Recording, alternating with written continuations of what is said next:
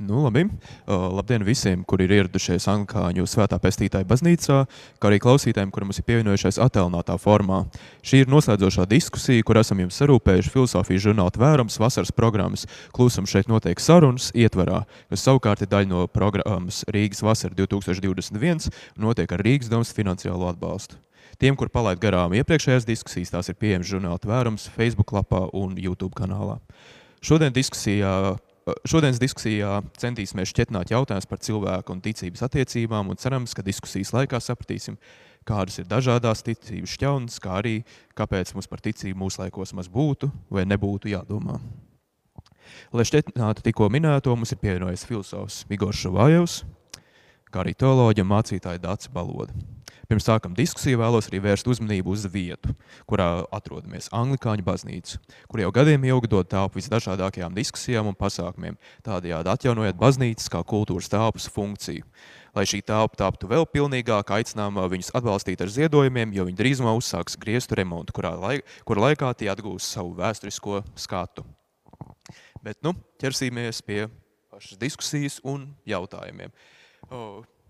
Lai sāktu, es vēlos jums abiem. Nu, jūs varēsiet izvēlēties, kurš no jums būs pirmais uh, uh, jautāt tādu uzvedinošu jautājumu, uh, kas varbūt arī novadīs pie kā specifiskāka. Un tas ir, kā mēs varam atšķirt ticību kam transcendentam vai mistiskam no politiskās, kulturālās vai citām ticībām, vai vispār mēs varam nošķirt o, dažādas ticības formas, vai tomēr ir kas esenciāli piemītošs tam, ko mēs devējam par ticību.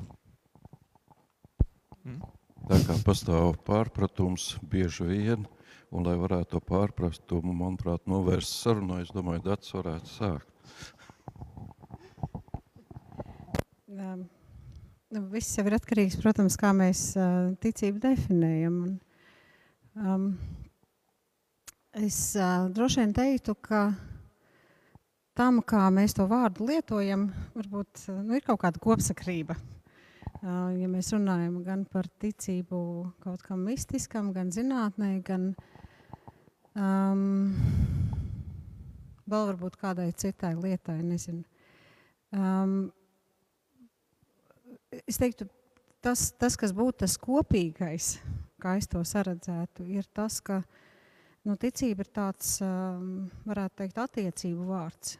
Um, tas nekad nevar būt runa par kaut ko vienu, par vienu cilvēku vai um, par cilvēku tikai, tā mēs varētu teikt. Bet tas vienmēr ir, ticība ir kaut kam, vienmēr ticība kam, tas prasa šo te ticības objektu klāt. Bet es tomēr teiktu, ka ir, un es atšķirtu tiešām, um, vienkārši dažādas ticības kaut kam, no ticības kā, uh, nu, teiktu, dzīvesveida vai um, ceļa, dzīves ceļa. Un um, šajā ziņā es teiktu, jā, ja mēs runājam reliģiski par ticību, tad uh, lielā mērā, nu, teiksim, kaut vai kristīgā tradīcija sapratīs ticību tieši šādā veidā, ka tā nav vienkārši ticība kaut kādai vienai lietai, bet gan ticība ir uh, dzīves veids vai dzīves ceļš, tā es gribētu teikt. Nu, lūk, manuprāt, brīnišķīgi es tomēr es atdzirdēju to pārpratumu. Uh, nedaudz pārspīlējot var gadīties, es teikšu, ka ik viens cilvēks ir ticīgs, Un eh, tas pārpratums ir saistīts ar to, ka kolīdz pasaka vārdu ticība vai ticīgais tā to sajauc ar to, ka tā ir lūk reliģiskā ticība. Reliģiskā ticība ir viena no ticībām, no daudzām dažādajām. Savukārt, tad, kad runā par šo dzīvesveidu, manuprāt, tiešām tas būtu interesanti, jo bieži vien nu, tas ir nevis dzīvesveids, bet tā ir kaut kāda ārešķība. Tas nedaudz provocējot.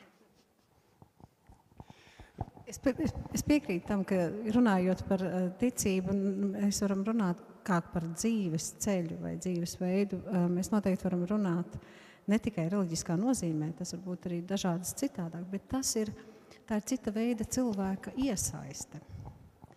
Nevis, varbūt tās, ja es drīkstu tādu salīdzinājumu, ko es kādreiz lietoju arī studentiem. Saku, ja runa ir par, um, par šo, šādu veidu, vai, vai ticību šādā izpratnē, tad runa ir um, nevis par kaut ko, kas ir pielikts klāt, vai ir, ir, kaut, kā, ir kaut kāda viena. Uh, saistās tikai ar vienu mūsu dzīves jomu. Teiksim. Tā nav, nav runa par to, ja mēs domājam par kūku, piemēram, ja, nav runa tikai par putukrējumu uz kūkas vai, vai, vai, kaut, vai ķirsīšiem, kas tur ir salikt virsū. Mēs te dzīvojam, tad ir kaut kāda viena lieta, kas attiecās uz ticību.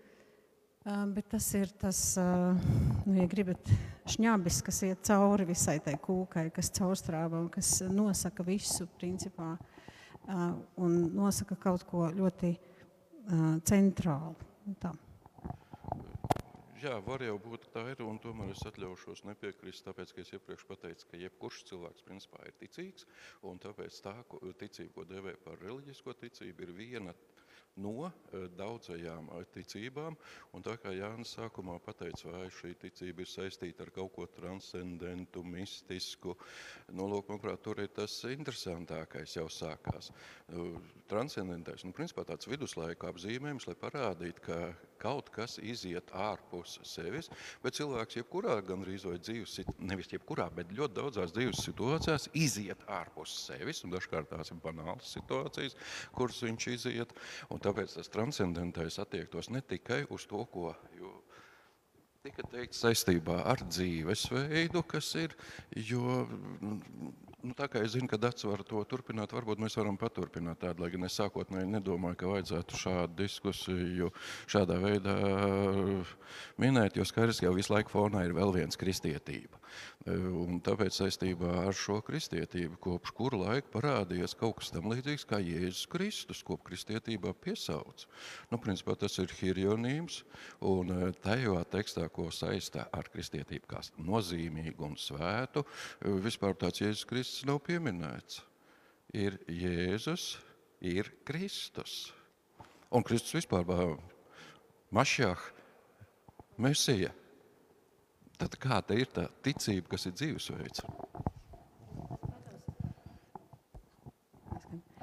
Tā ticība, kas ir dzīvesveids, um, tas, tas, tas, tas ir mūsu jēdziens. Tas, protams, nav, um, ja mēs skatītos uz uh, kaut vai ņemsim tevus pašus kristiešus skatītos uz, uz tekstiem, ko kristieši atzīst par saviem svētajiem rakstiem, tad uh, mums būtu jāatzīst, ka um, tai daļai, ko šī te, uh, reliģijas, kas, ko šī reliģija godā kopā ar, ar judaismu, vārds ticība vispār neparādās. Proti, ebreju bībelē vai vecā darībā ticība kā jēdziens neparādās. Un tad būtu liels arī, protams, tāds jautājums, vai tad drīkstētu teikt un, un saukt šo reliģiju par ticību, ja viņi paši sevi varbūt tās tā neapzīmētu. Jaunā derībā, protams, parādās tas um, jēdziens ticība. Un tas tiešām parādās varbūt tās arī tajā nozīmē līdzīgi, kā es tagad teicu, kā tāds ceļš, uh, ceļš pie, uh, pie Dieva, kas varbūt ir atšķirīgs no tā, uh, nu, visvairāk tas parādās pie um, vai apustuļu Pāvila vēstulēs jaunā darībā, kur tas ir tā kā, varētu teikt, parādīts kā viens no ceļiem. Ir viens tas ceļš uh, ar likuma paklausību vai bauslības paklausību, un otrs tas um, ceļš ar, ar uh, nu, ticības ceļš, tā mēs varētu teikt. Tā kā tāds um, reliģisks ceļš, ja tā mēs gribam teikt.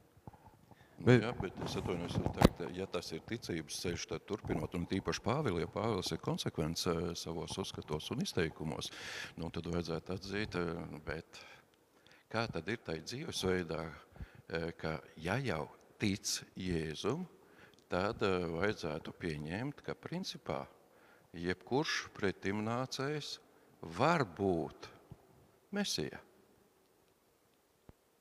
Vai šo var paskaidrot? Nu, proti, nu, tas ir, es nedaudz pārfrāzēju un nedaudz tālāk eh, saistā ar to stāstu par samarieti, jo principā kā tu var zināt, ka pretim nākošais nebūs mesija? Man katrā ziņā nebūtu problēma ar to. Vajag, vajag palīdzēt, ka, vai kaut pēc, Jā, protams, bet Nākošais varētu būt Messi. Tā jau ir konvencija, varētu teikt. Ja tā ir konvencija, tad tas ir vēsturiski, un tad tā ir noticēšana un nevairs ticība. Savukārt, ja tas ir ticības ceļš, tad jābūt konsekventam un ir jāpieļauj, ka jebkurš pretimnācējs, jebkurš dzīves pabērns īstenībā var būt eh, šis mesija un vajag viņam palīdzēt. Kas ir tas kristietis, kurš atstāja vienmēr ēdienu, sveci, ja gadījumā kāds nāk un kādam vajadzīgs patvērums? Šis man liekas ļoti. Es neredzētu tur to. Uh, es neredzu vēl to āķi, es varbūt nesaprotu to āķi, kur tas. Uh, Kur tas āķis ir? Man tas, man tas neliekas. Nē, ja vienkārši ir dzīvesveids, tad vajadzētu, nu, piemēram, tīpaši šajā pāvila variantā, to konsekventi īstenot. Bet, eh, bet to jau nedara lielākoties. Nu, lūk, bet tas ir cits, tas ir cits jautājums. Nē, tas nav cits jautājums. To es teicu, ka tā sauktā reliģiskā Bet- ticība ir ārešķība. Ah, tagad es sapratu. um, hmm. Mazliet jāpadomā.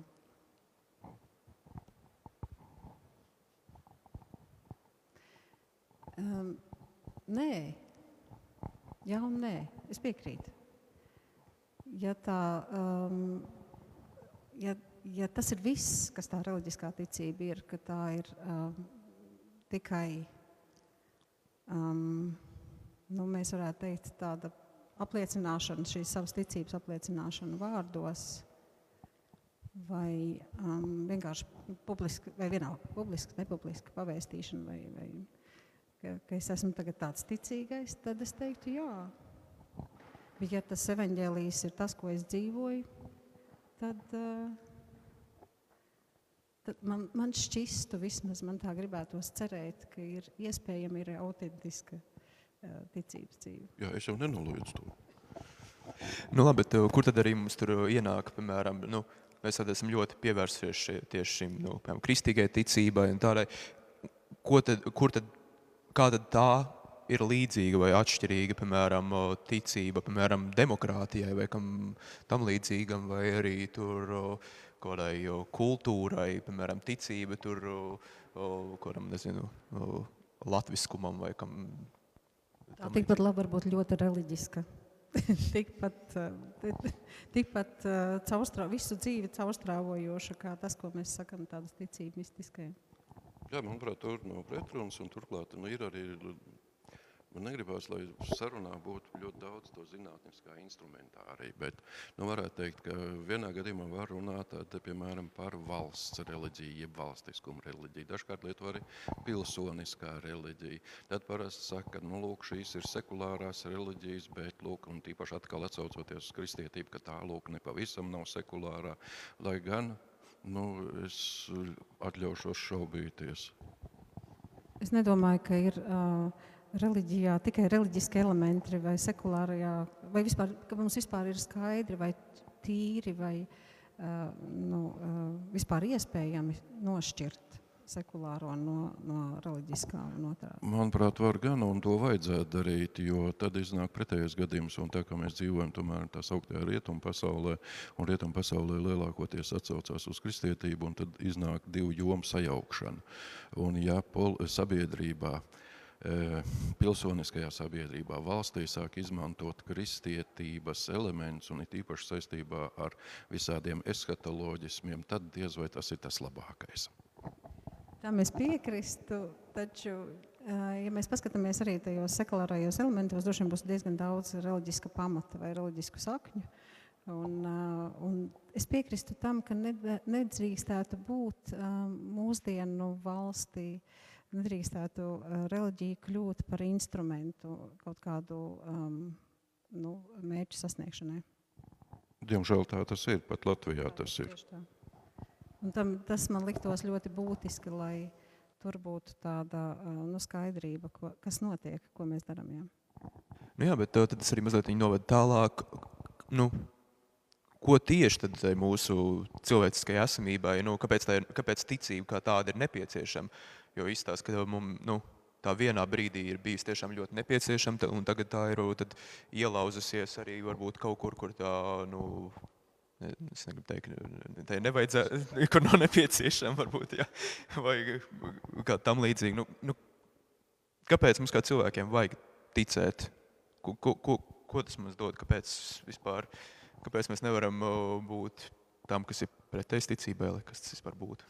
Viens ir tas, ka droši vien, ka mēs, mēs kā cilvēki, varbūt tas pieder pie mūsu dabas, ka mēs kaut kādā veidā ticam vienai vai otrai lietai, bet um, nu, varbūt tas ir tas ceļš cilvēkam kaut kā ārā no sevis. Un, uh, ja runa ir, um, nu, es varbūt tās tā, nu, no savas perspektīvas, uh, domājot, um, domājot par uh, ticību Dievam, tad jāsaka, um, teoloģija varbūt teiktu tā, ka faktiski nav cita, cita instrumenta vai cita iespēja, kā kā būt um, saiknē ar Dievu. Un, uh, nu, teiksim, varbūt tās tāds um, cits, um, cita iespēja vai, cits, vai viens veids, kā uh, teoloģija un, varētu teikt, filozofija ir domājusi par Dievu, mēģinot vai, vai runājot par Dievu pierādījumiem. Un uh, tas viss ir ļoti ok, taču man liekas, ka pierādījumi savā veidā runā, nu, vai ir tā kā varētu teikt pēc to um, būtību, ko mēs teoloģijā saucam par Dievu, jo uh, šī būtība nav pierādāma um, ne tikai tāpēc, ka mēs varbūt tās uh, nevaram visu racionāli aptvert un nevaram šo būtību racionāli aptvert, bet tāpēc, ka um, tas, ko mēs saucam par Dievu, atstāja cilvēkam brīvības ies, vai izvēles iespēju. Un, um, tā faktiski var būt tikai ticība, kādā veidā Dievs ir tverams. Man gan šķiet tā nav. Jo man gan šķiet tā nav. Kā, kāpēc Dievs atstāja cilvēkam izvēles brīvību? Kāpēc tāda iedomība? Ja jau Dievs ir. Viņš jau var arī nekādu brīvību nedot. Un tas tiešām ir smags jautājums, un lielākoties ir tomēr atbildēts, ka lūk, šis dievticīgais cilvēks nepavisam nav brīvs vienīgi tik daudz, cik eh, tā brīvība ir no viņa paša dieva atkarīga. Un līdz ar to viņš ir nebrīvs. Viņš var būt brīvs eh, citās jomās, kas nav saistīts ar šo ticību un dzīvesveidu. Eh, tas nu tā, bet Manuprāt, es atbildētu ka es teicu, ka cilvēks principā ir ticīgs. Tad es teiktu, ka ticība ir vienkārši atvieglo dzīvošanu. Un tad un tagad vajadzētu precizēt, cilvēks notic kaut kam. Un šī noticēšana viņam savā ziņā atvieglo to dzīvi. Taču noticēt arī var dažādi. Nu, lai būtu interesantāks tas piemērs, nu visi taču zina, ka zemeslodes kodols ir no marmelādes, vai ne? Kāpēc uh, dažs labs smaida, es nesaprotu. Kaut kā negrib noticēt, vai ne? Tā tad arī šīs noticēšanas ir ļoti dažādas. Un tieši to pašu var teikt arī saistībā ar to, ko uh, dara nemitīgi atsaucoties uz Dievu. Jo, ko līdz tas tiek darīts, manuprāt, tas pārēdz dažas konsekventas rīcības. Un ja jau runā, ka šis dievticīgais ir uh, saistīts ar noteiktu dzīvesveidu, nu, tad vajadzētu to arī ievērot.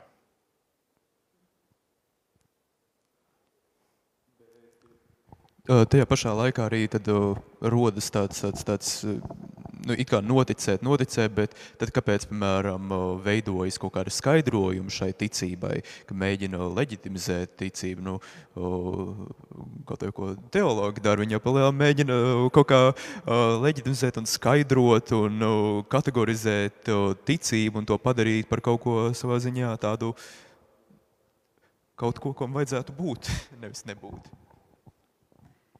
Nu, jā, mēs jau droši vien izējām no, no tās pieredzes, kas, kas varbūt teoloģijā jā, ir svarīga un ir bāzē. Un tā ir um, pieredze, Dieva piedzīvojuma pieredze. Un teoloģijas uzdevums uh, savā veidā ir, protams, uh, tulkot vai skaidrot to, to katram laikam. Un, un, um, jā, balstoties uz, uz to bāzi vai uz to um, tradīciju, kas, kas ir bijusi līdz, līdz tam brīdim, kad nu, tas teologs kaut kur tur dzīvo un kaut ko dara. Um, jā, Nu, jā, tas vairāk bija tev, Igor, tāds, tāds, tāds ne, ne pārmetums, bet tāds, tāds iebildums, bet, nu, nu jā, nu, kā noticēt, noticēt, at, lai atvieglotu dzīvi, bet tajā pašā laikā tā noticēšana, nepaliek tikai tādā, tādā noticēšanas līmenī, viņa jau, man liekas, arī aiziet tādā, nu, ka to mēģina pamatot to noticēšanu. Un tad es vairs tik ļoti neatvieglotu dzīvi, tas drīzāk tieši apgrūtina dzīvi kaut kādā mērā. Kāpēc tas dara dzīvi interesantāk? Nu, gan jau būs tādi, kas centīsies pierādīt, ka tas zemeslodes kodols ir no marmelādes. E, turklāt viņi atsauksies uz pieredzējumiem, uz redzējumiem, uz vīzijām. Un ko tad darīs? Un tad viņi vēl atradīs, ka arī pirms kādiem gadiem 3000 kāds ir teicis, ka ir e, zemeslodes kodols no marmelādes. Manuprāt, tas ir visai tāds slidens eh, ceļš, es joprojām atsaucoties uz to transcendento, jo transcendentais ir principā kaut kas tāds, kas ir ārpus pieredzes, ārpus izziņas. Un eh, ta, nu neviens to kodolu, taču marmelādes kodolu nav redzējis, vai ne? Tā, tā, tas arī, un arī to kodolu, kas tik tiešām ir, neviens nav redzējis. Tas ir teorētiski apsvērumi, kas tas varētu būt visticamāk. Un eh, tāpēc... Nu šis ir tas moments, tieši tā. Visticamāk, to, tas tā var būt. Un to mēs nevarēsim uh, Uh, un droši vien to ticības saturu, tur jau tā lieta, ka to ticības saturu uh, racionāli pierādīt pēdējā instancē nav iespējams. Un tas ir tas ticības moments, kur ir jāieslēdzās kaut kam. Es iebilstu, es atvainojos, ka es pārtraucu, bet Jā. nu, man vienkārši nepatīk, tiešām nepatīk, ka it īpaši mūsdienās, ir īpaši vēl tagad Latvijā šajā situācijā, kad saka, ka racionāli to nevar, gluži pretēji, ja kaut ko var, tad var tikai racionāli. Savukārt tas, ka Dievu nevar pierādīt vai var pierādīt, nu, principā ir skaidrs kopš 18. gadsimta, ka šādi jautājumi vienkārši ir smieklīgi. Nevajag neko pierādīt tur, jo pierādīt tiešām nevar. Cik ir 6, 7 pierādījumi? Labi, tos var klasificēt, bet uh, tas ir tāda vēsturiskās izglītotības uh, ziņā un nekas vairāk. Ja, un tomēr tas pāriet, to varbūt tās, tas man likās, es saprotu, uh, saprotu arī to, ka ļoti būtiski, un es arī nenoraidu šo uh, um, kā lai saka, racionālās izziņas ceļu. Man tas arī ļoti būtiski, un, protams, tieši tā teoloģijā ar kādiem instrumentiem gan mēs strādājam, ne? bet uh, man bija svarīgi uzsvērt to, ka um, tā ticības pieredze pāriet to. Tā. Bet viena lieta, ko es gribēju vēl pie tā, ko jūs teicāt iepriekš uh, par to dzīvesveidu, mm, būtu interesanti dzirdēt, um, kādam tam ticīgā dzīves, kādu jūs iztēlojaties, kādam tā ticīgā dzīvesveidam būtu jābūt, um, kas būtu tas atbilstošais. Man tas pagaidām izklausās pēc tāda diezgan tāda, vai, vai varbūt man tāds aizdoms ir, ka, ka tiek prasīts ārkārtīgi perfekts uh, dzīvesveids, kas būtu nu, tur, tikai mīlestībā un tam līdzīgi bez kļūdām un pārkāpumiem. Bet varbūt Es īstenībā priecājos, ja pasaka, ka šāda dievticība versija kristietības izpildījumā ir dzīvesveids. Manuprāt, ir brīnišķīgi. Tas nozīmē, ka cilvēks godprātīgi dzīvo saskaņā ar kaut kādiem principiem, ar kaut kādiem noteikumiem, un tos īstenot, cenšas īstenot vienmēr un visur. Nevis tad, kad ir izdevīgi. Ok. nu, labi, labi. Bet uh, tad mazliet vēl tālāk ejot, kas jau man liekas, te ir mazliet tā problematizējies. Iepriekš ir par pašu uh, ticību kā tādu un ticības attiecībām ar valodu. Jo kā tad ir, vai, nu, vai ticība ir kaut kāda tāda, nu, tāda diskursīva, vai arī, nu, nu, nu Vai mums ir nepieciešama valoda, lai mēs varētu ticēt? Jo nu, savā ziņā, ja mē, līdz ko mēs iekļaujam to valodā, tad jau tas kaut kādā mērā aiziet no mm, tīras kaut kādas tiešām noticēšanas ticības, tas aiziet uz kaut kādu tiešām kategorizēšanu, uz kaut kādu tur tādu, tādu, tādu, tādu nu, kaut kādu tādu valodisku. Jā, bet mēs jau īsti nevaram. Mēs jau esam situācijā, kur ir valoda. Un dzīvot kaut kādā tikai mistiskā piedzīvojumā, mēs redzam arī no mistiķiem, tā jau nenotiek. Viņi raksta pēc tam. Un acīm redzot, tā nepieciešamība ieteikt vārdā pat to pieredzi, ko ļoti grūti ir ieteikt vārdā, ir. Uh, un tas, uh, tas formē, un, protams, tas veido tradīciju. Tas, uh, mēs visu laiku dzīvojam ar to vārdu, nu, kur tūkojam tālāk un skaidrojam tālāk un tālāk. Un tas veido, un veido mūsu izpratni par to. Es baidos, ka mēs.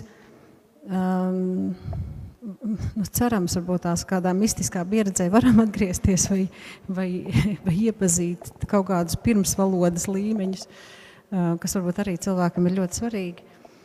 Bet, um, starp citu, jā, mēlēs runāšana, tāds um, fenomens, kas ir um, dažādās kultūrās un arī um, īpaši um, mēs pazīstam to visvairāk no harizmātiem, bet droši vien tas pavadījis ir kristietību daudzus gadsimtus. Um, ir iespējams tāda, tāds, tāda tehnika atgriezties kaut kādā pirmsvalodas līmenī, tur varbūt pieslēgties savus uh, apziņas neapzinātiem slāņiem, no kuriem tad birst ārā varbūt kaut kāds, uh, nu, kāda nesaprotama runa. Bet citādi jau mēs esam vienkārši valodas telpā. Man liekas, ka grūti no tā izvairīties. Man arī jāapstiprina, ir, jā, protams, skaidrs, ka viennozīmīga valodā un turklāt bez valodas e, par to e, nav iespējams nec runāt, nec padomāt. Turklāt, e, ja pasaka, ka tas viennozīmīgi ir sajūgts ar valodu, atkrīt vēl dažas lietas, kuras nevajag darīt, bet dažkārt ir darīts. Nu, piemēram, sāka šīs šādas ticības kaut kādas aizmetņus sameklēt dzīvnieku pasaulē vai sāk meklēt, piemēram, gēnos un tam līdzīgi. Vai arī cits variants, nu tāds it kā pieticīgāks, bet tās, tādā pašā nozīmē cilvēkam ir vajadzība pēc šādas ticības. Nu nav nekāda vajadzība un nekas tai dzīvnieciskajā nav, jo par to mēs nevaram Izņemot ar īpašām tehnikām, mēs nevaram neko pateikt, jo tas ir, tā ir pilnīgi cita. Tā lūk, ir šī transcendentāte, ar kuru mēs varbūt varam saskarties, piedzīvojot, pieredzot, bet mēs to nezinām. Skaidrs, ka šī ticība, tīpaši reliģiskā ticība, ir diskursīva, un, un tā ir ne tikai diskursīva prakse, tā ir arī nediskursīva prakse. Nu, tāds būtu tas atbildes, bet es pārāk daudz jau izmantoju šos jēdzienus, instrumentus, kas ne visiem ir saprotami. Bet tad tu teici, ka, ja tā ir valoda, tad mēs arī atbrīvojamies no šīs vajadzības, bet vai tu tāds tiešām piekrist, piemēram, nu, ka, ja, ja jau Dievs ir radījis, tad jau tur savā ziņā arī tur nevajadzētu, tur jau vajadzētu tam būt arī kaut kādā ziņā jau vajadzīgam bez valodas, ka tā valoda nu, nav tas, kas padara ticību Dievam kā to, nu, to nepieciešamu, nu, primāro. Jā, bet kā mēs aizsniegsim to, to bezvalodas, to neapzināto, kas mums tur vajadzīgs? Nu, atkal jau tas viens no instrumentiem noteikti būs apziņa valoda? Tas ir ja mēs gribam to zināt vai apzināties, tad bez tā jau eh, nebūs mums iespējams.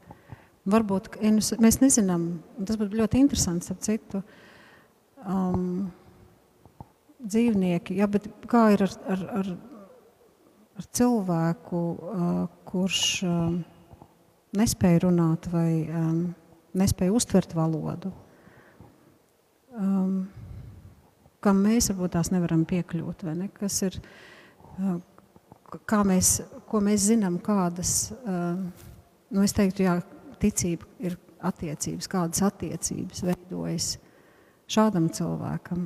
Un tas ir bijis, starp citu, arī tāds um, ētikas um, nu, diskurss teoloģijā jautājumā par, piemēram, par, par vakarēdienu, par rituālu, kurš tad ir cienīgs vai, vai kurš, tam, kurš tad drīkst būt klāt, kurš nedrīkst būt klāt. Ir, Nu, lūk, viņi taču zināja, kad atnākt. uh, jā, tas tā, tā kā, um, man liekas, ka mēs drīkstam atstāt arī tādu no savas puses uh, telpu tiem um, cilvēkiem, kur varbūt mums nevarēs paskaidrot to, ka viņi tic vai netic. Tā varētu būt, bet manuprāt, tas Jāņa jautājums tomēr bija par kaut ko citu. Ja jau Dievs viss ir radījis un radījis mīlestībā un visi mīl viņu, alks pēc šīs mīlestības, jau arī dzīvniekiem vajadzētu alkt viņu. Manuprāt, tur bija tas smagais jautājums, bet tas ir eh, nevis man jāatbild, bet uh, saistībā ar teoloģiju būtu jāatbild šis jautājums. Bet, uh, mums jau nav jāpieņem lēmumu par dzīvnieku, dzīvnieku ticību, bet par citu cilvēku ticību. Labprāt, es gribētu, lai mums nebūtu jāpieņem lēmumu. Nu, jā, um, tad es uh, gribētu arī tad, uh, vēl pievērsties tam tieši uh, tam ticības uh, ceļam un tai dzīvotējai ticībai, kā nu tam, tam, tam, tam īstākiem laikam tam ticības tai uh, formai. Un, uh, tad, uh, kas tieši tādā teistiskās ticības ietvarā ticību, nu, nu, to, izkopjot kā praksi, ko nozīmē izkopt ticību, vai tā ir kāda fundamentāli necie, nepieciešama praksa, kur attīstīt, vai arī tas ir kaut kas tāds, kas nu, mums ir vienkārši oh, jāatklāj sevī, kā vienkārši, ka tas, tas visu laiku jau mūsos ir, un tas ir vienkārši tāds, tāds, tāds durvis, kuras ir jāatver. Kā, kā tev šķiet tāds? Un tev, Igor? Uz mani tas neatiec.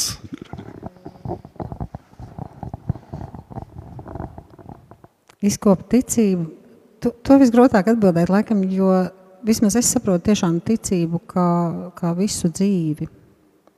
Un tas nozīmētu to, ka um, faktiski dzīves pieredze ir šī ticības izkopšana. Un, um,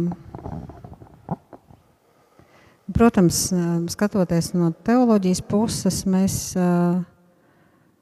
ceram un ticam, ka um, tieši tā šīs ir attiecības, kurās ir uh, tāds nemitīgais aicinājums.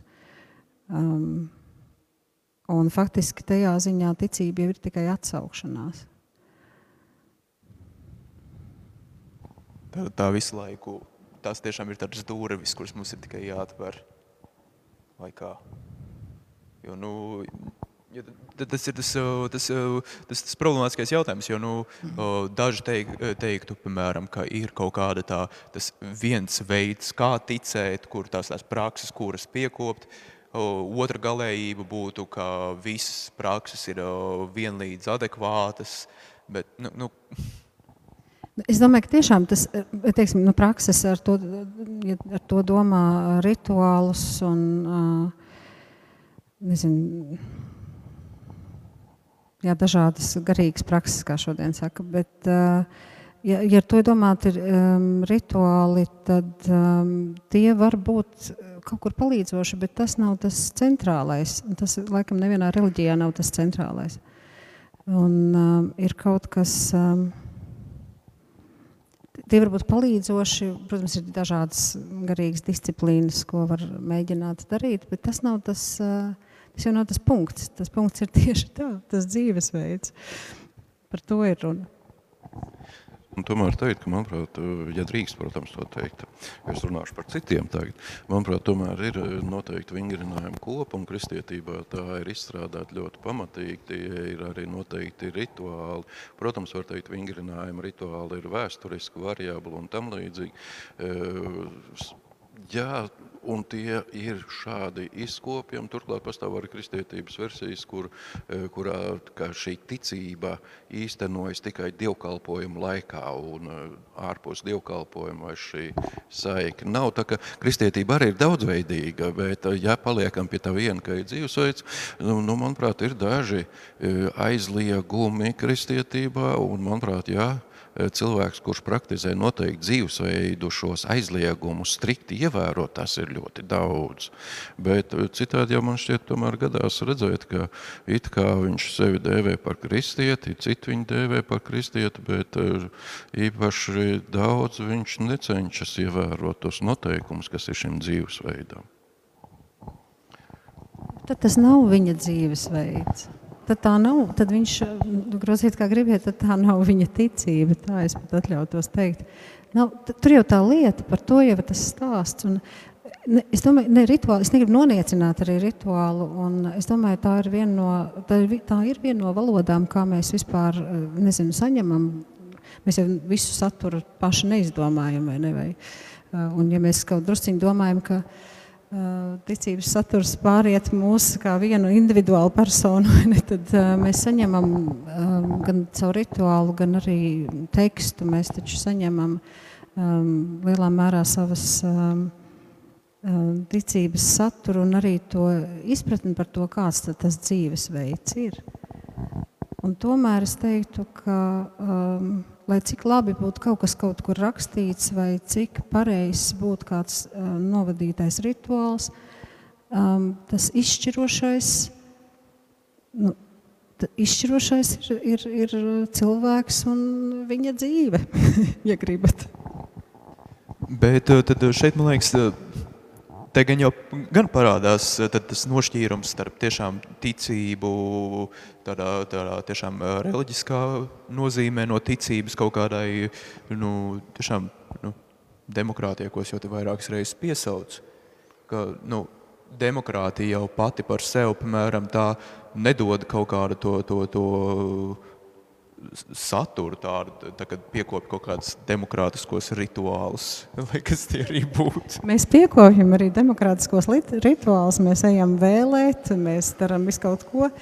Mēs, mēs veidojam, piemēram, diskusijas un izsakāmies, un mēs varam darīt daudz ko, lai koptu savu demokrātiju. Un tas jautājums ir, protams, ja varbūt cik, un tas ir, es teicu atkal par to cilvēku iesaisti.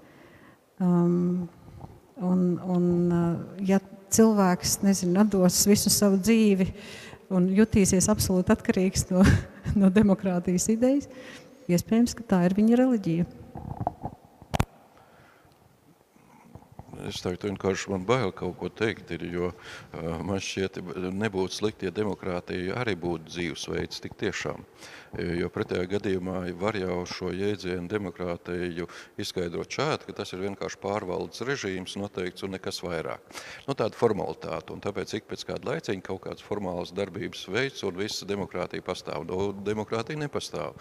Demokrātija arī ir, īstenībā, manuprāt, ļoti stingra formāla mašinērija, kuru, kurā tu, ja tu tajā iekļaujies, tu tā arī dzīvo, tu citādi nemaz nevar.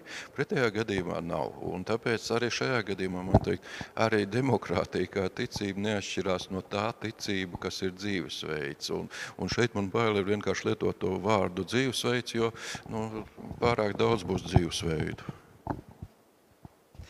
Nu, es labprāt atrastu citu vārdu, es, bet es, ja man palīdzētu kāds. Nosauksim, nevis man demokrātija patīk. ir dzīvesveids, bet demokrātija ir stils. Stils, jā, un varbūt tās vislabāk tomēr arī nu, veids, dzīvesveids arī tas, man arī nesevišķi patīk, bet varbūt tās drīzāk ceļš, cilvēka dzīves ceļš. Labi. Bet nu arī jau ceļ, bet mums jau arī ir jau, man liekas, kaut kādas pēdējās desmit minūtes tā, tā, tā fonā, fonā mazliet tur skan. Tas, tā, tas normatīvais ticības aspekts, to, ka ticība, nu, ka tur, tā, tur, tur ir kaut kādi noteikumi, lai tu tiešām tur ticētu, ka tas nav vienkārši tikai pateikt, es ticu, bet, nu, ka tur ir, ir kaut kādas tās, tās, tās, tās, tās tie, tie, tie, noteikumi, kurus, ja tu ievēro, tad tu tici, ja tu neievēro, tad tu netici.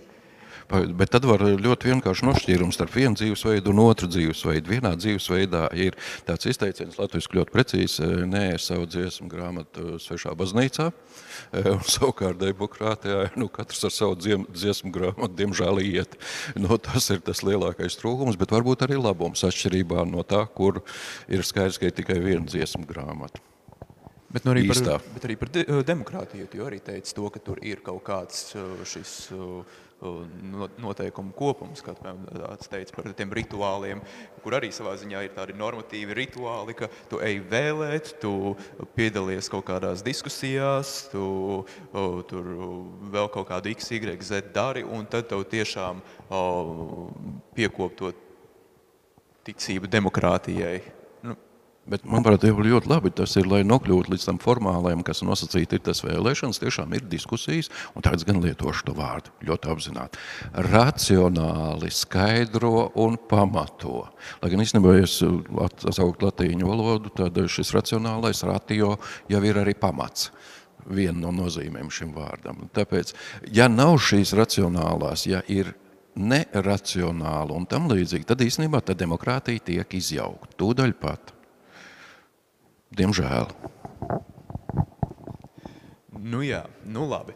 Par tiem normatīviem, nu tas ir, um, es teiktu, tas lielā mērā reliģijā tomēr ir, ir, ir kon, tās ir konvencijas, kas nemitīgi mainās. Un, um, ko nozīmē, lai tevi, jā, kāds, uh, kāda kustība, piemēram, vienalga, atzīta par savējo. Tas droši vien ir, ir tas mainās um, veidojās un, un, un, un ir um, pastāv blakus dažādi normatīvi. Um, tā kā es atkal paliktu tomēr pie tā, pie tās, uh, es nezinu, laikam, š, laikam es būtu tāda šlejenmahera biekritēja, sakot, ka pie tās uh, absolūtās atkarības izjūtas, ne, ka tā ir tā, um, kas ir tā konstituējošā ticībai. Nu jā, uh, man, man šeit vispār tas ceļš vispār ir ļoti interesants, tīri no, no tādas metodas, metode kā arī kā ceļš. Uh, un, ko es ar to gribēju vedināt? ka,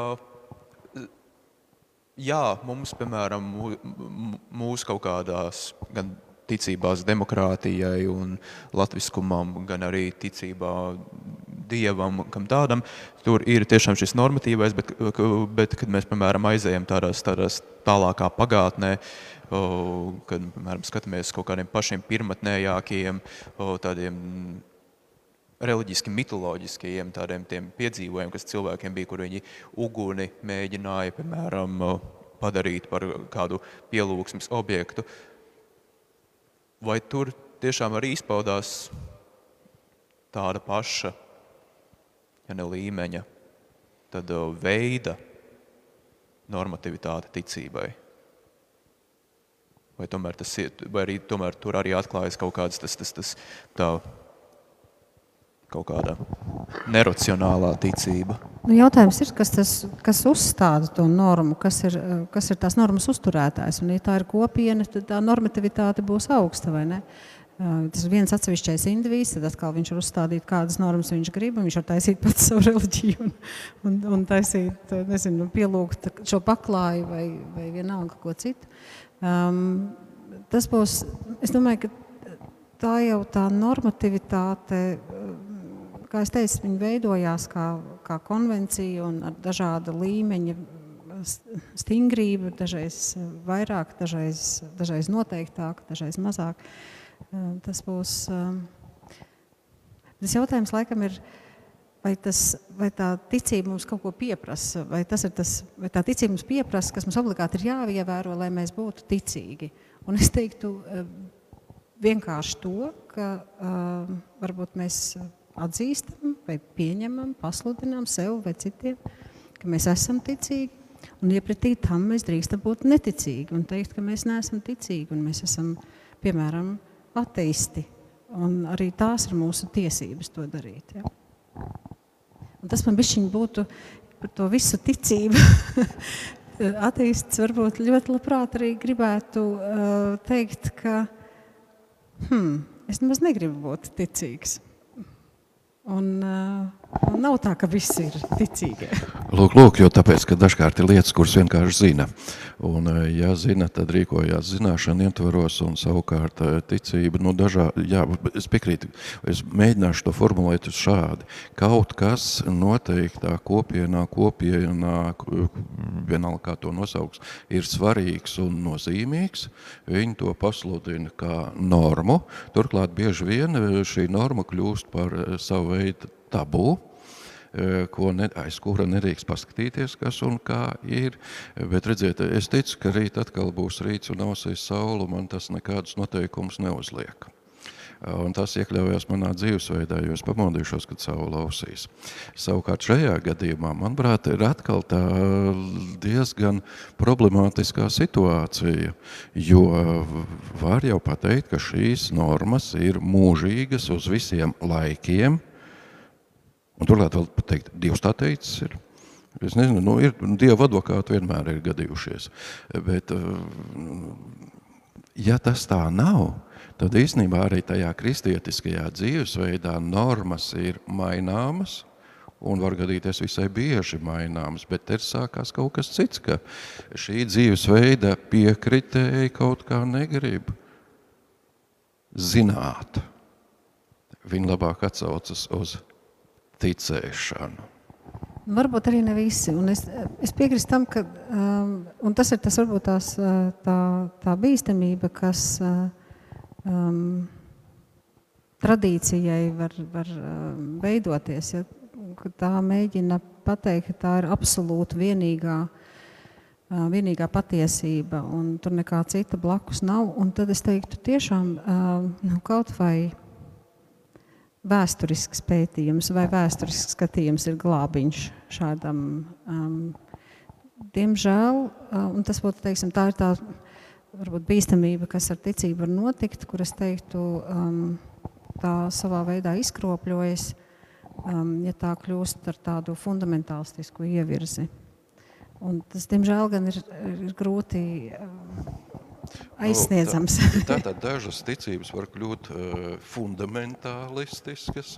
Nu, īstenībā jau tas saistīts ar institucionalizēšanos. Ko līdz kaut kas institucionalizējās, tā uh, institūcija, protams, kļūst no vienas puses koruptīva, no otras puses tā kļūst tik stinga un jo stingāk, jo tiek uzskatīts, ka tas ir labāk. Uh, tāpēc es varētu tādu dzīvesveida, reliģiskās ticības dzīvesveida piekritējiem gan arī vai līdzjūtību paust, jo viņiem nākas ievērot tādas normas, kas varbūt varbūt ir absolūti bezjēdzīgs un ar to ceļu nemaz nav saistīts. Ja kas varbūt, es, vienīgi, es, es piekrītu tam, un es gan teiktu to, ka būtu jāuzmanās, jo jebkura arī nereliģiska ticība var kļūt par fundamentālistisku. Tā, kā, tā būtu, un tur būtu tas um, cilvēks spēja domāt un, un, un racionāli, racionāli spriest, tiešām racionāli spriest, un, un tas varētu cilvēkam nākt stipri palīgā. Un beig beigās tāpēc arī, um, nu tiešām tāpēc arī teoloģija, piemēram, um, noteikti uzsver, ka ticība nav nekas neracionāls, um, bet uh, ietver arī šo racionālo komponentu. Bet kas tad ir pretējs ticībai? Nu, te, vai, vai zināšana jau īsti nē, zināšana nav pretējs ticībai, bet, nu, ja, piemēram, mēs izvēlamies neticēt, tad ko, ko mēs darām? mēs ticam tam, ka mēs neticam. Tad no ticības mēs nekādīgi neizbēgsim. Tad mums vispār mēs, mēs esam lēmti ticēt kaut kam. Nu, protams, bet nevajag to arī pārspīlēt. Tad, protams, ir jānodala šīs dažādas ticības, kas jau ir. Bet, nu, saku, nu, Latvijasiski ir ar vienu vārdu mēģina ļoti daudz lietas e, pateikt. Nu, ir noticēšana. Noticēšana tajā ziņā, ka tu esi, piemēram, novērojis, ka kaut kādā secībā kaut kas notiek vai kaut kur kaut kas atrodas un tu paļaujies, tas ir tici, ka tas tā būs. Savukārt, ja to normē un saka, ka ja tu aizies uz to nostūri, tad tu sastaps to, nu, var gadīties, nu, tur vienkārši vēl tas sēnes nebūs izauguši. Nu, labi, bet uh, ja jau mēs no ticības nevaram izbeigt, tad varbūt pats pēdējais jautājums ir ļoti muļķīgs, bet kur ir ticības robežas? Ticības robežas? Nu, es varbūt tomēr mēģināšu atgūt par to zemeslodu ar marmelādes kodolu. Nu, lūk, tur, manuprāt, varētu tomēr mēģināt to robežu novilkt, ka ir, nu, teiksim, ja ir kaut kas zināms, un par to zemes kodolu tomēr ir zināms, ka nu, marmelādes tas nav, Tās ir noteikts procedūras tehnikas, kā var to izdarīt. To, neviens jau pataustījis nav un nokļūs arī nav, bet to var zināt. Un tāpat tās arī citās jomās. Ja to var zināt, tad atsaukties uz ticību. Nu, tad, nu labi, latviski ir tāds uh, apzīmējums akla ticība. No akla ticība var gadīties nav tas labākais. Un tur būtu robeža novelkam. Ja ir kaut ko iespējams zināt, tad labāk zināšanu ietvaros, nevis paļauties un tādu, ka, nu, es pieļauju, visi sapratāt, ka tas par to marmelādes kodolu īstenībā ir tāda metaforiska norāda uz daudzām norisēm arī tepat Latvijas sabiedrībā, kur ir tāda marmelādes zemes kodola piekritēji. Man ļoti, ļoti gribas piekrist. Un es teiktu, ka um, ticības robežas ir, um, vai tā bīstamība, kas ar ticību ticības dzīve var notikt, ir, ir, um, ir bet, tas, bet tas kritērijs, ko, ko es pielietotu, skatīties un, un, un domāt, um, kas būtu nu, atbalstāms, labs, um, skatoties uz to, ko šī ticība nodara sabiedrībai vai dara, ko tā pienes. Un, um, un faktiski pēc tā arī vērtēt uh, to, vai, vai šī ticība, vai, šī, vai šai ticībai būtu jādzīvo vai nē, tā var izteikties. nu, tā. Nu, labi. Nu, man šķiet, ka mēs esam vismaz kaut kādu to pašu eh, ievadu devuši, tagad uh, cerēsim to, ka mēs būsim tādu ievadu devuši, ka kaut kas nebūs skaidrs un kāds arī uzdos jautājumu.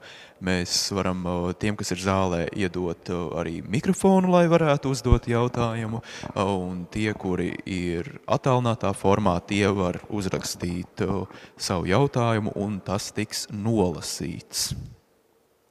Tā kā droši, droši. Man tomēr patīk tas uh, jautājums, ja, nu es jau nebetu uh, iebildums, ka ja nav jautājumu, tad uh, ir visi slikti. Labvakar. Uh, paldies, paldies par sarunu. Uh, es, es vēlējos atgriezties laikam pie tā, ko jūs jau uh, apspriedāt par šīm dažādām ticībām. Un, ja ir, nezinu, pamatoti meklēt kaut kādu kopsaucēju starp tām, uh, Vai, vai tur var runāt par kaut kādu atsvešinātību no ticības objekta, kā nepieciešamu nosacījumu, vai vienu no, nu, lai būtu kaut kāda ticība? Nu, man, man ienāca prātā laikam divi piemēri, un tie varbūt ir kaut kā negodīgi izvēlēti, bet runājot par reliģisko ticību, man piemēram nāk prātā, ja nemaldos, Luters, kurš nu, savā mācībā izvirzīja to, ka nu, Dievs kaut kādā mērā nav izzināms. Un, un tas, manuprāt, šo ticības objektu atsvešina no ticīgā. Un, un līdzīgi, nu varbūt tas nav līdzīgi, zinātne, teiksim, ticība zinātnē, nu šķiet, ka parastais cilvēks, nu, ar parasto cilvēku saprotot to, kurš nav zinātnieks, viņš arī kaut kādā mērā ir atsvešanās no zinātnes. Nu, viņš paļaujās uz to, ko eh, zinātnieks saka un, un, un sniedz savu racionālo pamatojumu. Taču, nu, piemēram, es, es, es nesaprotu lielākoties to, ko zinātnieks eh, apgalvo, taču es tam ticu. Un, un tur ir kaut, kā, kaut kāds šis te, nu, nezinu, nezināšanas plīvurs starp mani un to, kam es ticu. Vai, vai šie ir kaut kādi nejauši izvēlēti piemēri, vai arī tā atsevišķinātība ir nepieciešama ticībā.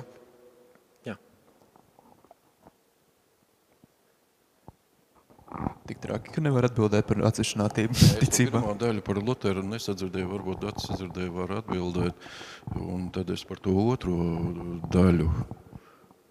Es domāju, vai tas, ka Luters ir, um, Lutram, Luters runāja to dievu tumšo pusi vai dievs abskonditus, tas apslēptais dievs, vai ne, kuram, um, jā, tas note, jā, man jāpadomā, vai tā ir atsevišķinātība.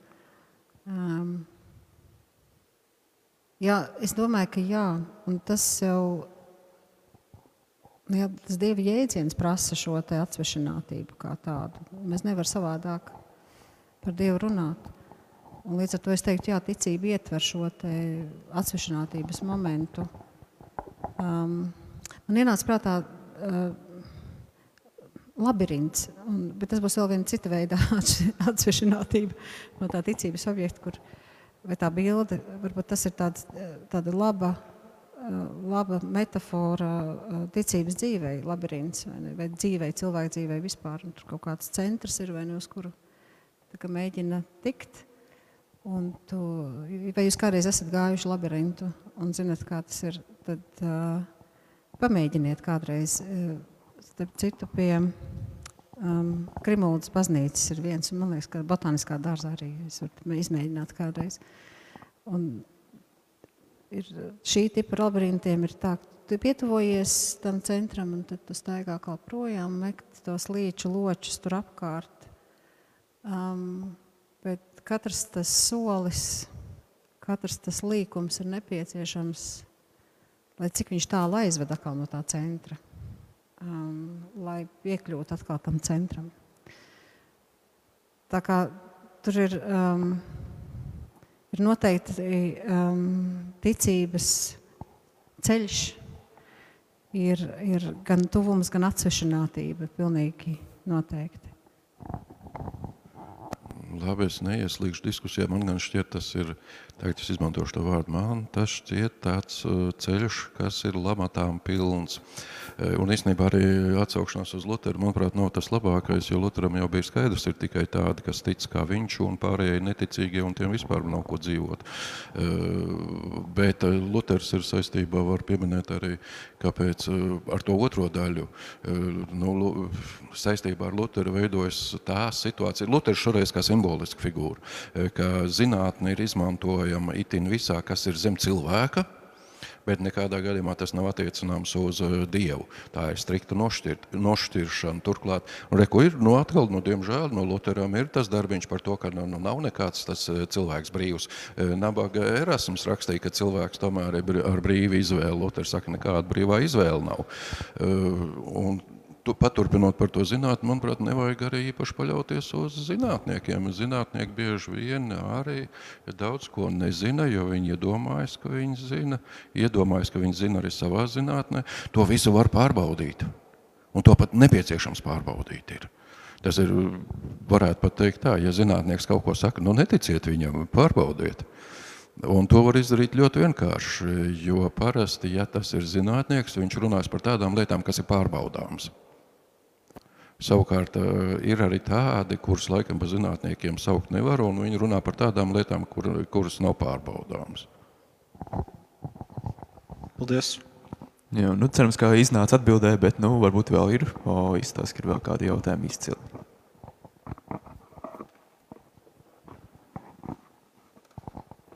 Nu, pieņemot, ka klātienē nevienam vairs nav jautājumi, ir daži komentāri un divi jautājumi tiešsaistē. Nu, no tiem viens ir precizējošs, varbūt ar to sākam. Vjačeslavs jautā. Jautājums Igoram Šuvajevam.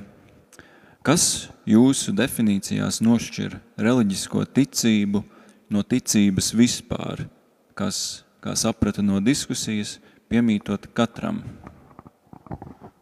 To nošķīrumu varētu veidot ļoti vienkārši. Reliģiskā ticība ir ar eh, noteikti institucionālu pārklājumu, ar noteiktām rituāliem, ceremonijām un tā tālāk, ar eh, tradīciju, un turklāt eh, reliģiskajā ticībā būs tūdaļ pat atsaukšanās uz Dievu. Viss viens kādā nozīmē. Un ar ticību vispār? Reliģiskajā ticībā, es domāju. Bet ar pašu ticību kā tādu. Nu? Jo Viešsils, man liekas, tieši gribēja to, to nošķīram. Jā, ir reliģiskā ticība un tad ticība, kur nav reliģiska. Kāda tad uh, Nu, kāda tad, atšķirās? tāpēc es minēju, kas ir reliģiskajā ticībā svarīgi. Savukārt pārējām ticībām tas nav tik svarīgi. Tās uh, nebūtiskas pazīmes tad ir. Bet es saprotu, ka ir iebildi par to dievu laiku.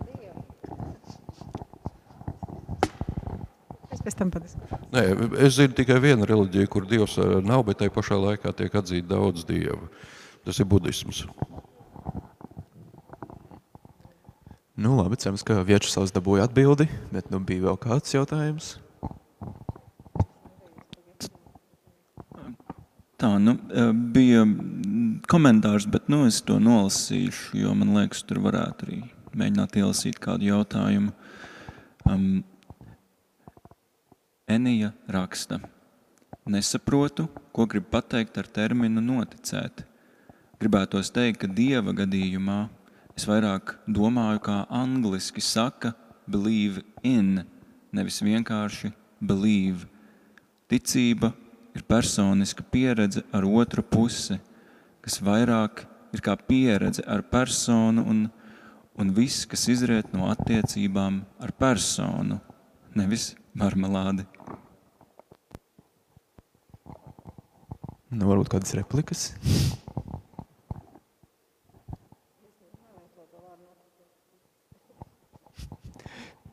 Igor, tu izmantoji ļoti daudz noticēt. Noticēt? Jā, Un, lai es tādu paskaidrotu, nu, ļoti vienkārši, ja es, piemēram, stāvu uz ielas un eh, kaut kādā laika, pēc kāda laika sprīža pienāk, pieņemsim, sabiedriskais transports līdzeklis, es pagaidu pēc kāda laiciņa vēl, nu, tad, nu, sekojot, pieredzot to, es noticu, ka pēc noteikta laika šeit būs eh, sabiedriskā transporta līdzeklis, pavisam vienkārši. Un īstenībā es izmantoju 18. atkal gadsimta vienkārši to domu gājienu, eh, un tā ir noticēšana. Un teikt, ka šajā noticēšanā nav manas personas iejauktība, es nevarētu.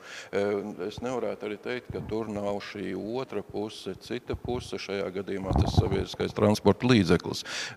Bet, labi, nu, Es nepavisam negribu teikt, ka reliģiskā ticība būtu eh, ar kaut ko sliktāku par eh, citu ticību. Nē, ne pavisam.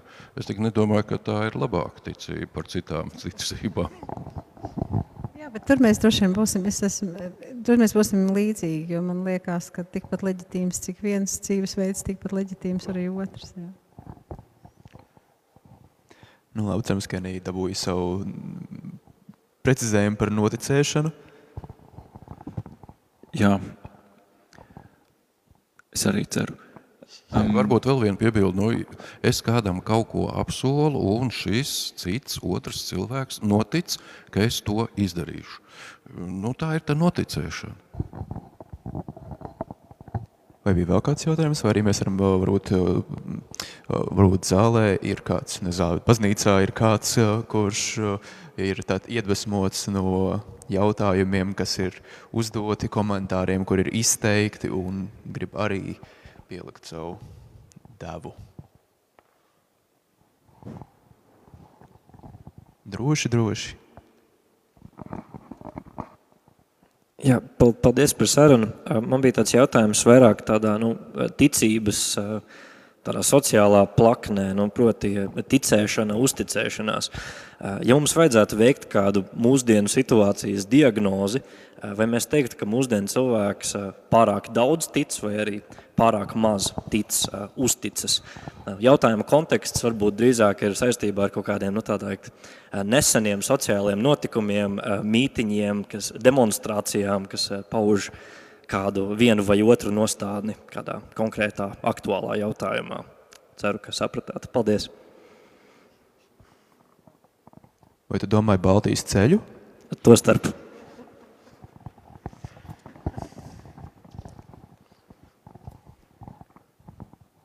Droši, droši.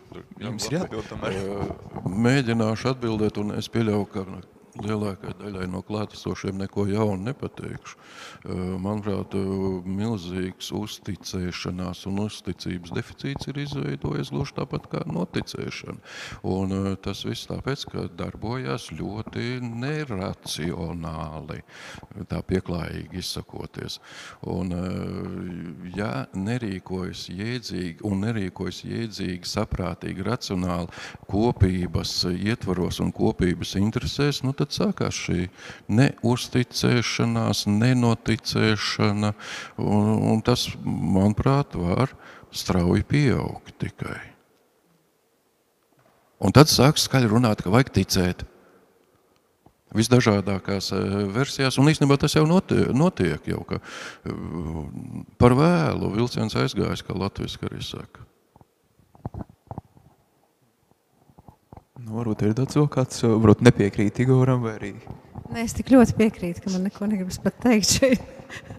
Noticēju šoreiz. Noticēju. Paldies. Nu labi, vai, nu varbūt vēl uzradās kāds jautājums. Mikrofonu, mikrofonu lūdzu, padodam, esam, esam draudzīgi, ja jau te grib cilvēku uzdot. Um, man varbūt tas ļoti vispārīgs jautājums. Um, runājot par to ticības deficītu, um, es atļaušos varbūt līdz galam nepiekrist. Tā ticības deficīts nav varbūt ir uh, tāds institucionāls reliģisks, reliģiskas ticības deficīts. Bet tad, no otras puses, ja mēs runājam par neseniem sociālajiem notikumiem, um, mēs varbūt varam runāt par lētticību. Un, un man, man liekas, ka lētticība kā vārds latviešu valodā ir diezgan skaists. Un, un, um, tad vai mēs varam runāt, kā, kā mēs veidojam ticības hierarhiju, kur zem, kas iekrīt zem lētticības un kas zem nu, tādas ticības, īstenas ticības. Manuprāt, tas ir smags jautājums tiešām šoreiz. Jo, es tikai tādus.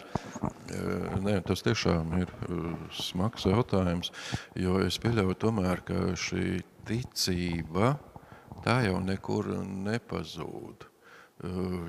Kaut kur paļaujas, ka nu nevar taču būt tik nesaprātīgi. No otras puses, nu skaidrs, ja cilvēks nav spējīgs pārbaudīt dažādus spriedumus, izteikumus, tad viņš notic. Un tad tā būtu tā nu, lētticības versija. Un, manuprāt, ir vēl viens tomēr tad jāņem vērā. Nu, cilvēki ir dažkārt dusmīgi, nikni, un tas arī nospēlē zināmu lomu, lai iekļautos tajā, ko es nezinu, vai var nosaukt par lētticību,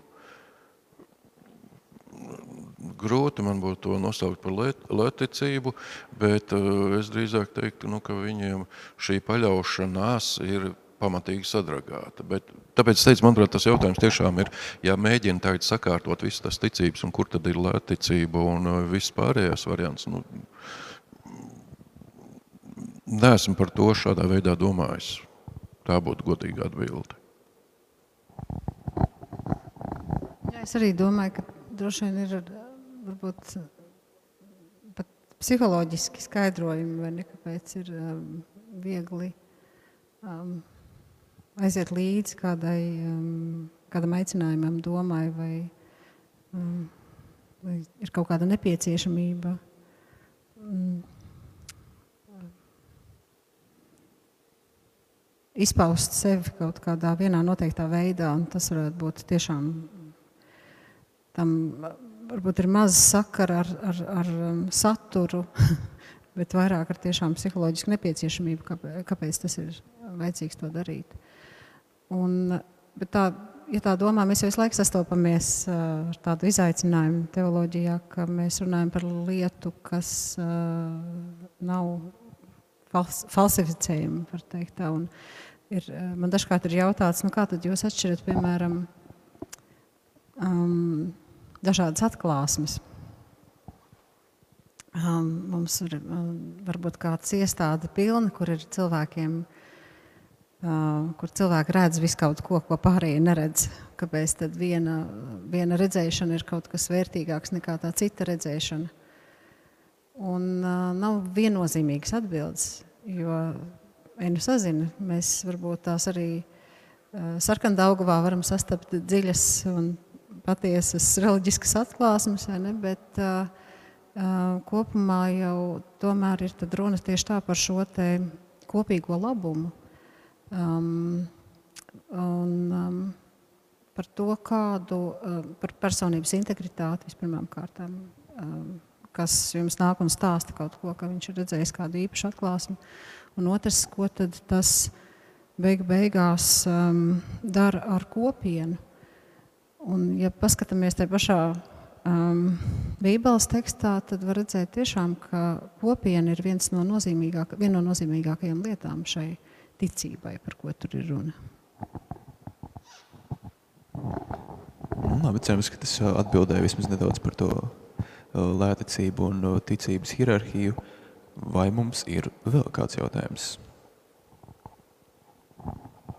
Viena lieta, kas bija, ko, ko Igors pirmie teica, bija par, par definējot to reliģisko ticību, bija institūcija, man šķiet. Un es teiktu, ka nu, tas aizvien mazāk, tiešām jūs uzsvērāt to arī, institūcija tiešām spēlē arvien mazāku lomu um, mūsdienu reliģiskā pluralitāte. Kā dzīvesveidā var būt, bet tajā, ko visi sauc par reliģisko ticību, nu, manuprāt, tomēr nē.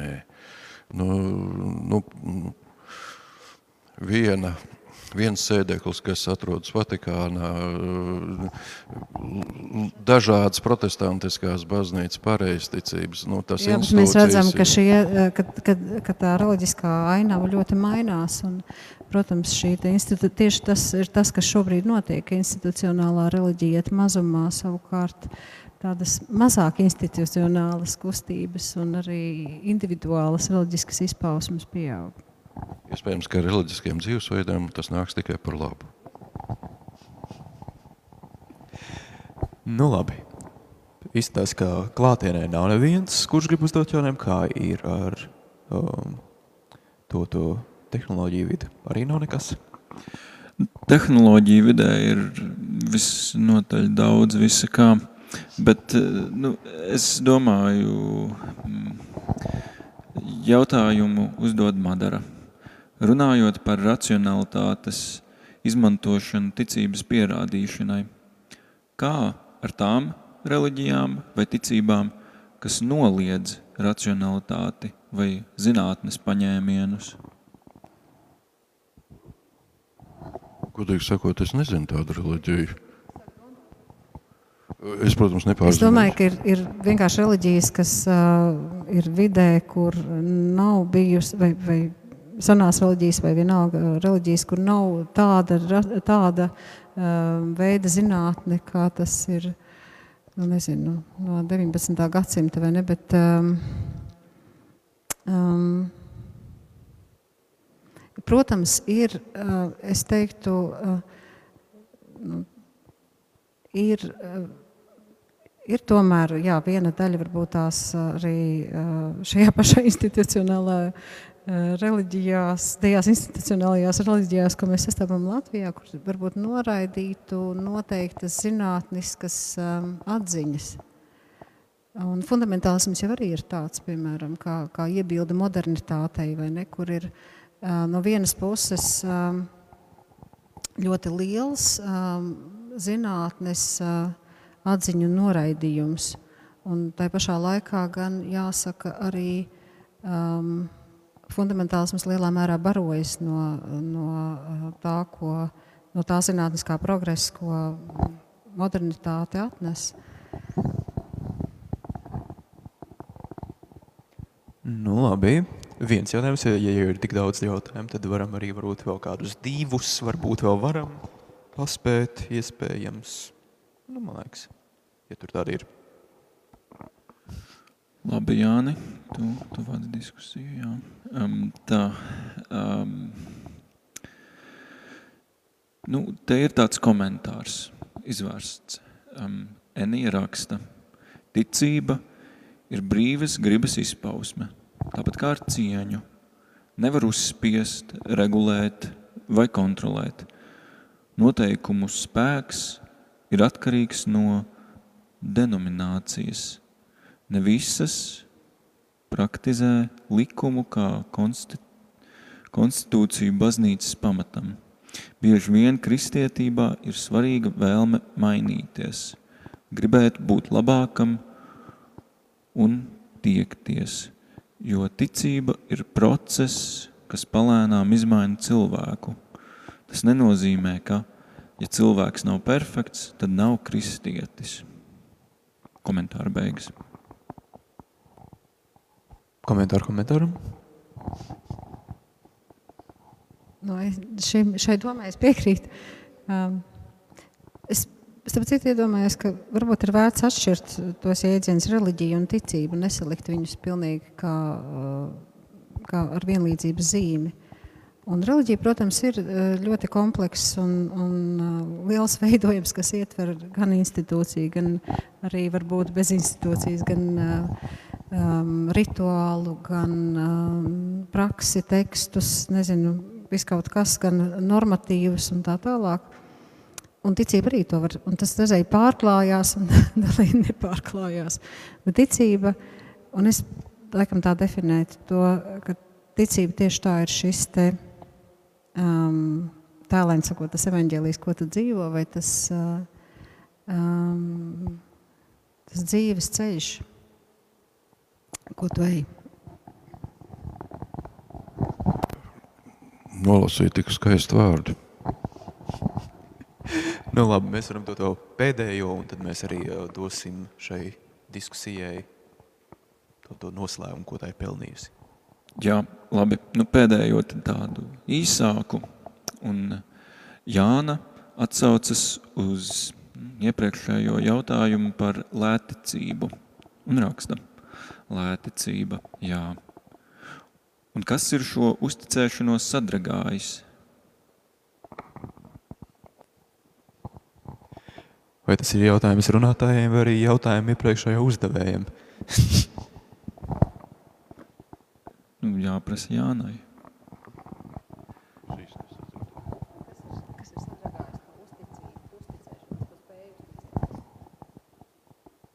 Tur var būt ļoti dažādi iemesli, man tā šķiet. Nu, es negribu, nav jau iespējams tā uzstādīt tādu diagnozi, bet uh, es domāju, ka um, spēja uzticēties patiešām mums uh, ir dažādos, dažādos līmeņos un arī spēja kritiski izvērtēt. spēja uzticēties droši vien arī ir, ir kaut kas, kas veidojās nu, biogrāfiski, veidojas izglītībā, veidojas visādos veidos. Um, un tas nav mums, es nedomāju, ka mums visiem ir vienāds uh, handikaps tajā ziņā. Un es domāju, ja nu, kaut vai piemēram, ja mums ir sarežģītas attiecības ģimenē, mums droši vien daudz vairāk būs grūtības uzticēties gan citiem cilvēkiem, gan uzticēties arī šajā te um, dzīves um, ceļa nozīmē. Um, un, um, protams, ja runa par tādu uh, politisku situāciju, tad uh, vēl mēs varam skatīties atpakaļ, es nezinu, vēsturē, kā mēs uh, esam domājuši, veidojuši savus uzskatus par, vai kā mums ir veidot arī uzskati par valsti un um, oficiālu institūciju un tam līdzīgi. Tā kā um, droši vien ir tādi ļoti dažādi iemesli, kāpēc uh, uzticēšanās ir iespējama vai arī nav.